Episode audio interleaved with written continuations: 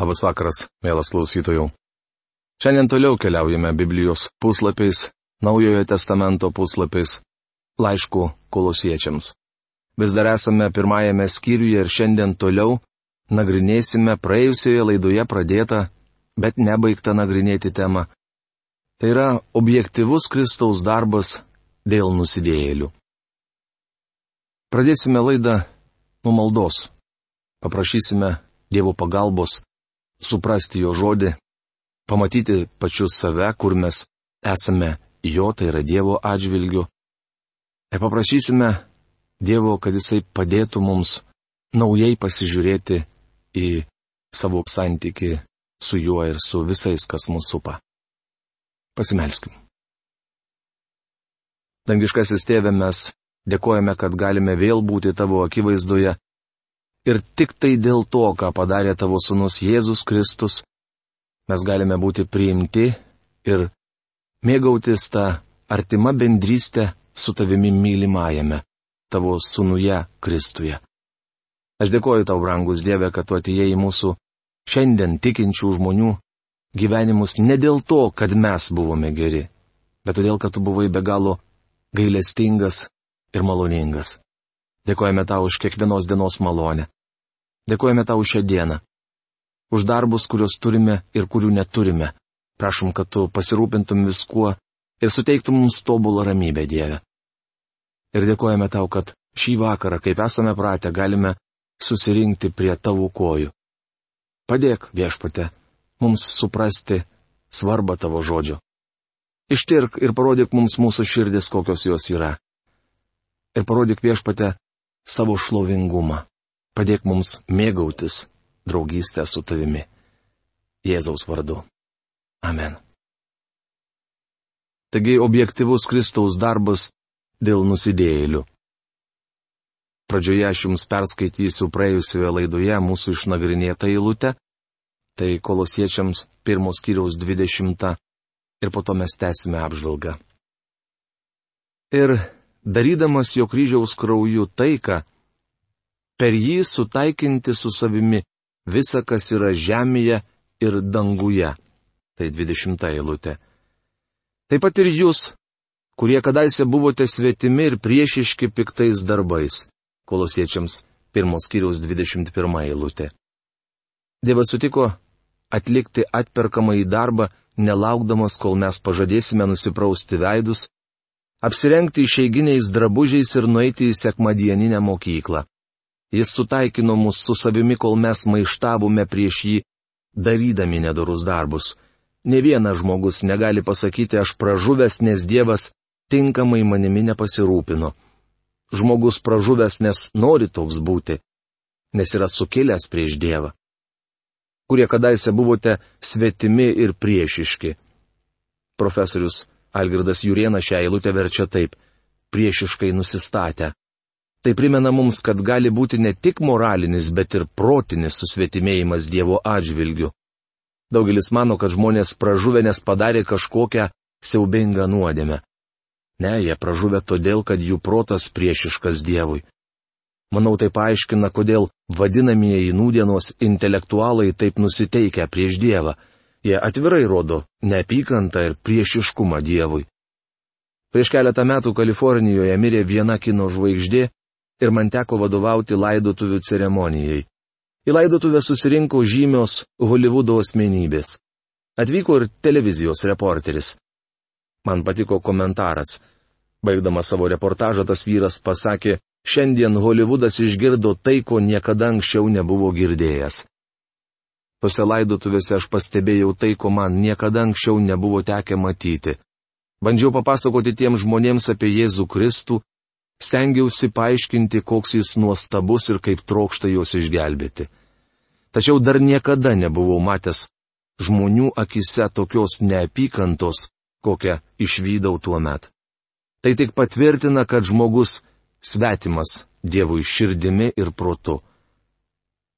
Dievas dabar sutaikino jo žemiškojo kūno mirtimi, kad pasirodytumėte jo akise šventi, tyri ir nekalti kolosiečiams laiško pirmos kiriaus 22 eilutė. Jo žemiškojo kūno. Šioje eilutėje aiškiai sakoma, jog Kristus kentėjo ne tik dvasinį, bet ir fizinį skausmą. Šiais žodžiais Paulius atremė vieną iš tuometinio gnosticizmo erezijų. Kad pasirodytumėte jo akise šventi, tyri ir nekalti. Tyri reiškia bei įdos. Toks turėjo būti Senojo testamento laikais aukojamas gyvulys. Mes su jumis esame netobuli, o Dievas negali priimti nieko, kas nėra tobula.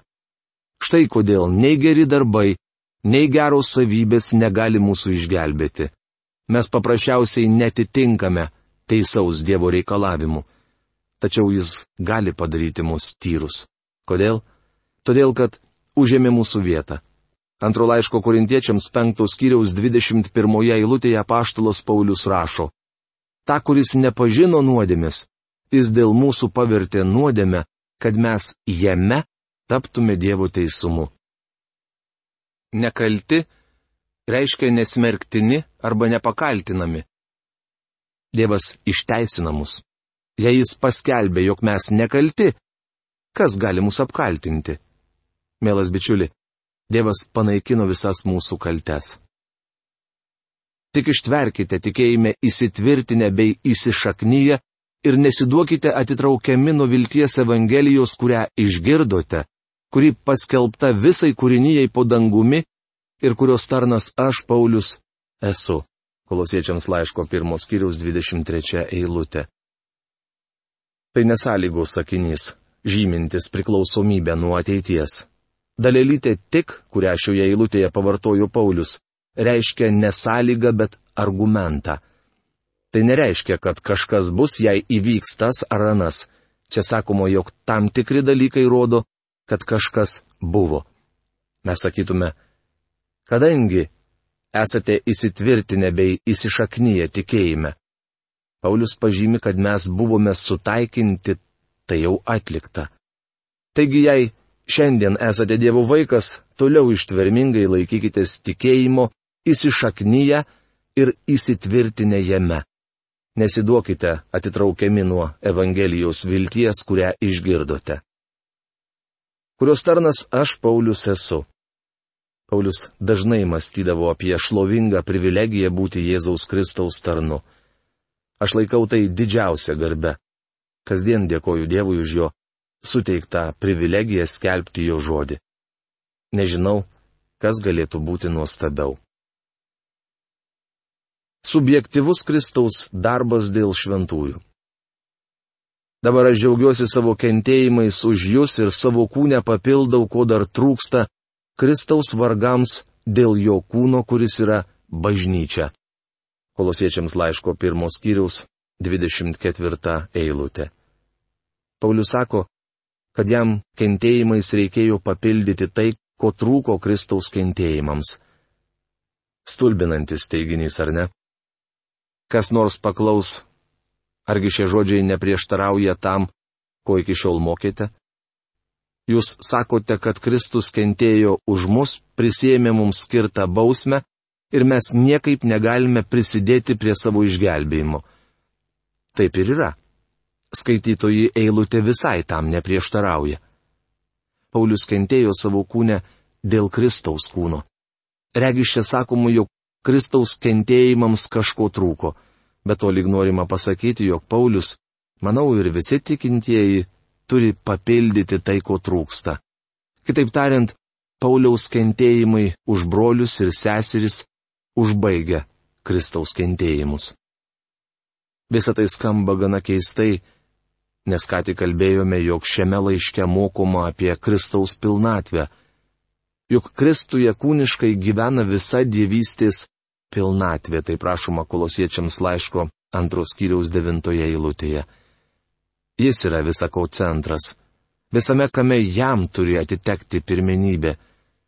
Tačiau čia regis sakoma, jog dar kažką reikia nuveikti. Paulius šį laišką rašo iš kalėjimų ir sako visą iškentėjęs. Prisimenate, Viešpats Jėzus buvo preiškęs Ananijui, kodėl išgelbėjo Paulių ir kaip ketina jį panaudoti. Viešpats jam tarė, eik, nes jis yra mano rinktinis įrankis, kuris neš mano vardą tautoms, karaliams ir Izraelio vaikams.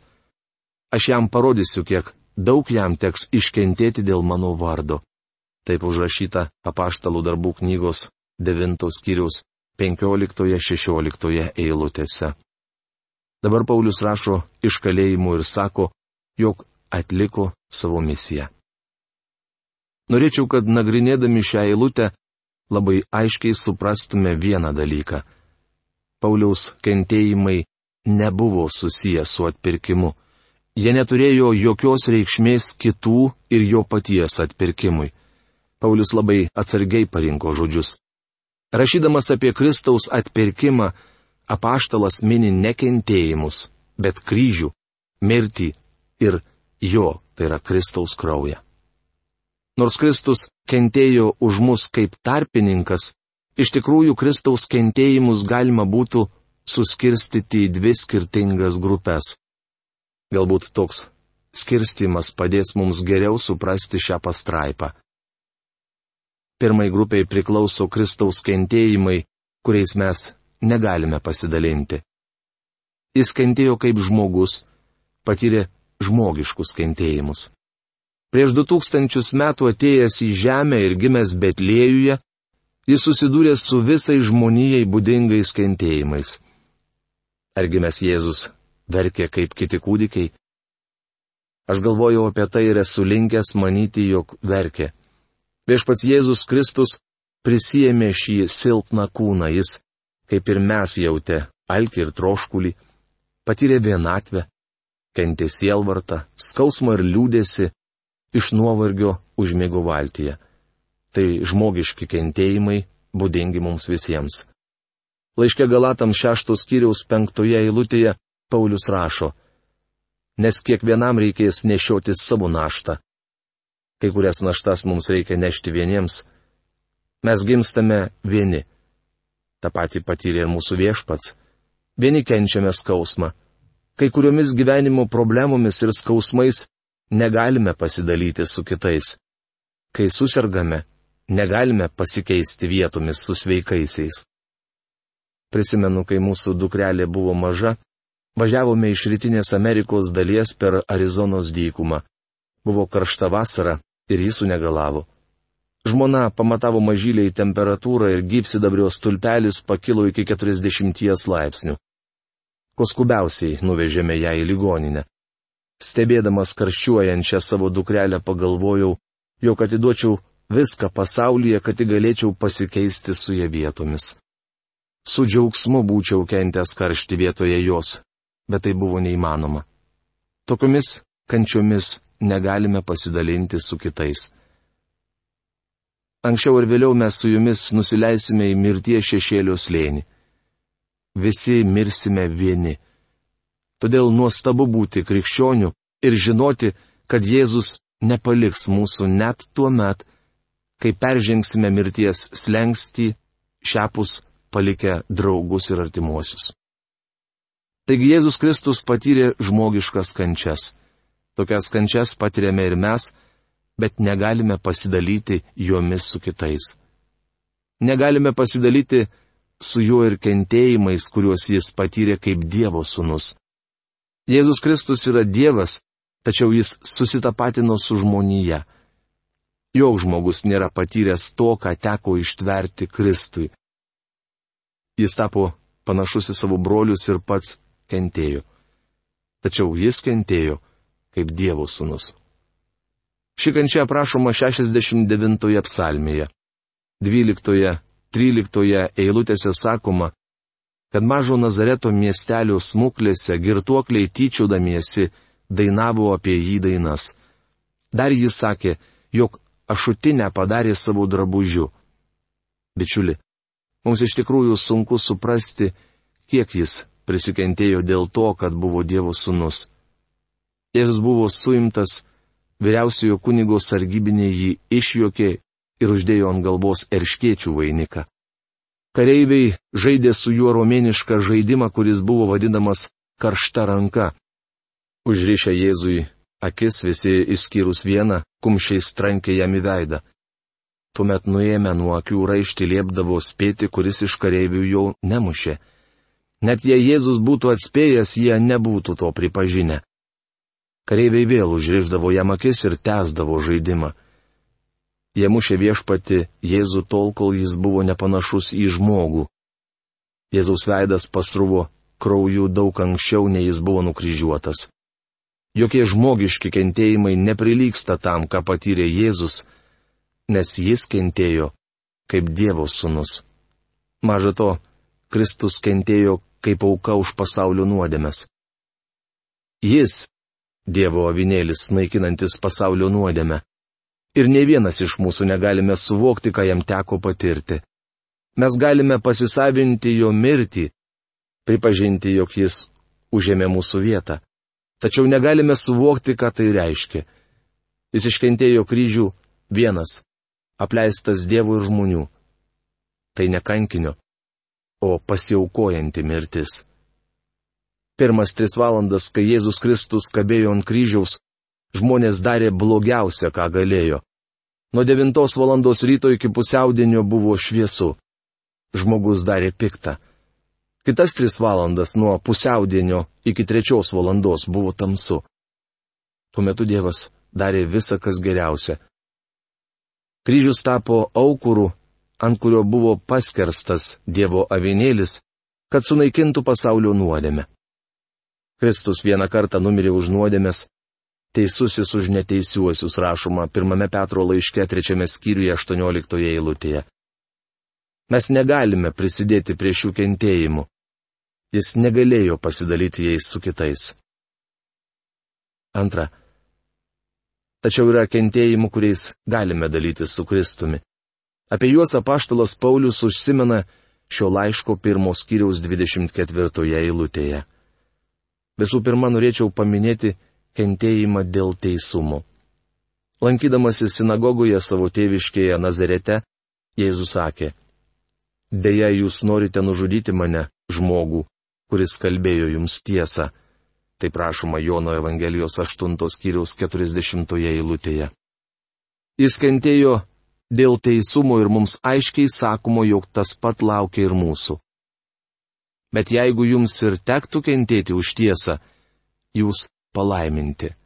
Tai prašoma pirmame Petro laiške, trečiame skyriuje, keturioliktoje eilutėje. Jaunajam Timotiejui Paulius rašė, ir visi, kurie trokšta maldingai gyventi Kristuje Jėzuje, bus persekiojami. Antras laiškas Timotėjui, trečias skyrius dvylikta eilutė. Patikėkite, jei gyvensite Dievui ir ginsite tiesą, nebūsite populiarus. Šiandien dalyjant žemiškus titulus, Dievo žmonės aplenkiami. Pasaulyje Dievo žmogus keikiamas su pagarba, o giriamas su keiksmais sportininkai liaupsinami, humoristams plojama, politikai šlovinami, profesoriai pagerbiami, tačiau Dievo žmogus nesusilaukia pagirimo. Jei pasisakote už tai, kas šiame pasaulyje teisinga, kentėsite dėl teisumo. Suprasdama šią tiesą, Paulius rašė, parašyta, dėl tavęs mes žudomi ištisą dieną, laikomi pjautinomis avimis. Romiečiams laiško 8 skyriaus 36 eilutė. Kentėjimus dėl teisumo patirs kiekvienas Dievo tarnas. Norėčiau pabrėžti, kad dar yra kentėjimų susijusių su tuo, kiek mes susitapatiname su Kristumi dėl Evangelijos plitimo. Apaštalas Jonas rašė, nes koks jis yra, tokie ir mes esame šiame pasaulyje. Pirmas Jono laiškas, ketvirtas skyrius, septyniolikta eilutė. Viešpas Jėzus labai aiškiai sakė, jei pasaulis jūsų nekenčia, tai žinokite, jis manęs nekentė pirmiau negu jūsų. Jei jūs būtumėte pasaulio, jis mylėtų jūs kaip savuosius. Kadangi jūs ne iš pasaulio, bet aš jūs iš pasaulio išskyriau, todėl jis jūsų nekenčia. Jono Evangelijos 15 skyrius 18-19 eilutės. Jei jūs ne iš pasaulio, pasaulis jūsų nekes. Krikščionio populiarumas pasaulyje atvirkščiai proporcingas jo populiarumui Kristaus akise. Jei jūs, būdamas krikščionis, esate populiarus pasaulyje, vadinasi, nesate populiarus Kristaus akise ir atvirkščiai. Jei esate populiarus Kristaus akise, nebūsite mėgstamas šiame pasaulyje. Dievo vaikas turi užimti deramą poziciją ir susitapatinti su Kristumi. Kai mes kenčiame dėl Kristaus, viešpats Jėzus taip pat kenčia per mus, nes esame jo kūno dalis. Prisimenate, viešpats Jėzus pasirodęs Sauliui kelyje į Damaską klausė, Sauliau, Sauliau, kodėl mane persekioji? Jaunasis fariziejus apstulbo ir sutriko. Jis galvojo, kad persekioja krikščionis. Kai Saulis iš Tarso sužinojo, jog iš tikrųjų persekioja viešpati Jėzų Kristų, jis buvo šokiruotas. Apie mūsų kentėjimus apaštalas Petras rašė. Mylimieji, nesistebėkite, kad degina jūs ugnis, lyg jums būtų atsitikę kas nepaprasta, nes taip darosi jums išmėginti. Verčiau džiaukitės dalyvaudami Kristaus kentėjimuose, kad ir tada, kai jo šlovė apsireikš, galėtumėte džiūgauti ir linksmintis. Pirmas Petro laiškas, ketvirtas skyrius 12-13 eilutės. Viena aišku kad šiandien Evangelija plistų, kažkas turi kentėti. Vėlionis daktaras Džordžas Gilas yra sakęs, kad kūdikis gimtų į šį pasaulį, moteris turi kentėti. Šiandien mažai gimstančių, iš naujo dėl to, kad retas tikintysis pasiryžęs kentėti. Žinia apie kentėjimą nėra populiari, tačiau būtent apie tai šioje eilutėje kalba Paulius. Visi norėtume sulaukti prabudimo.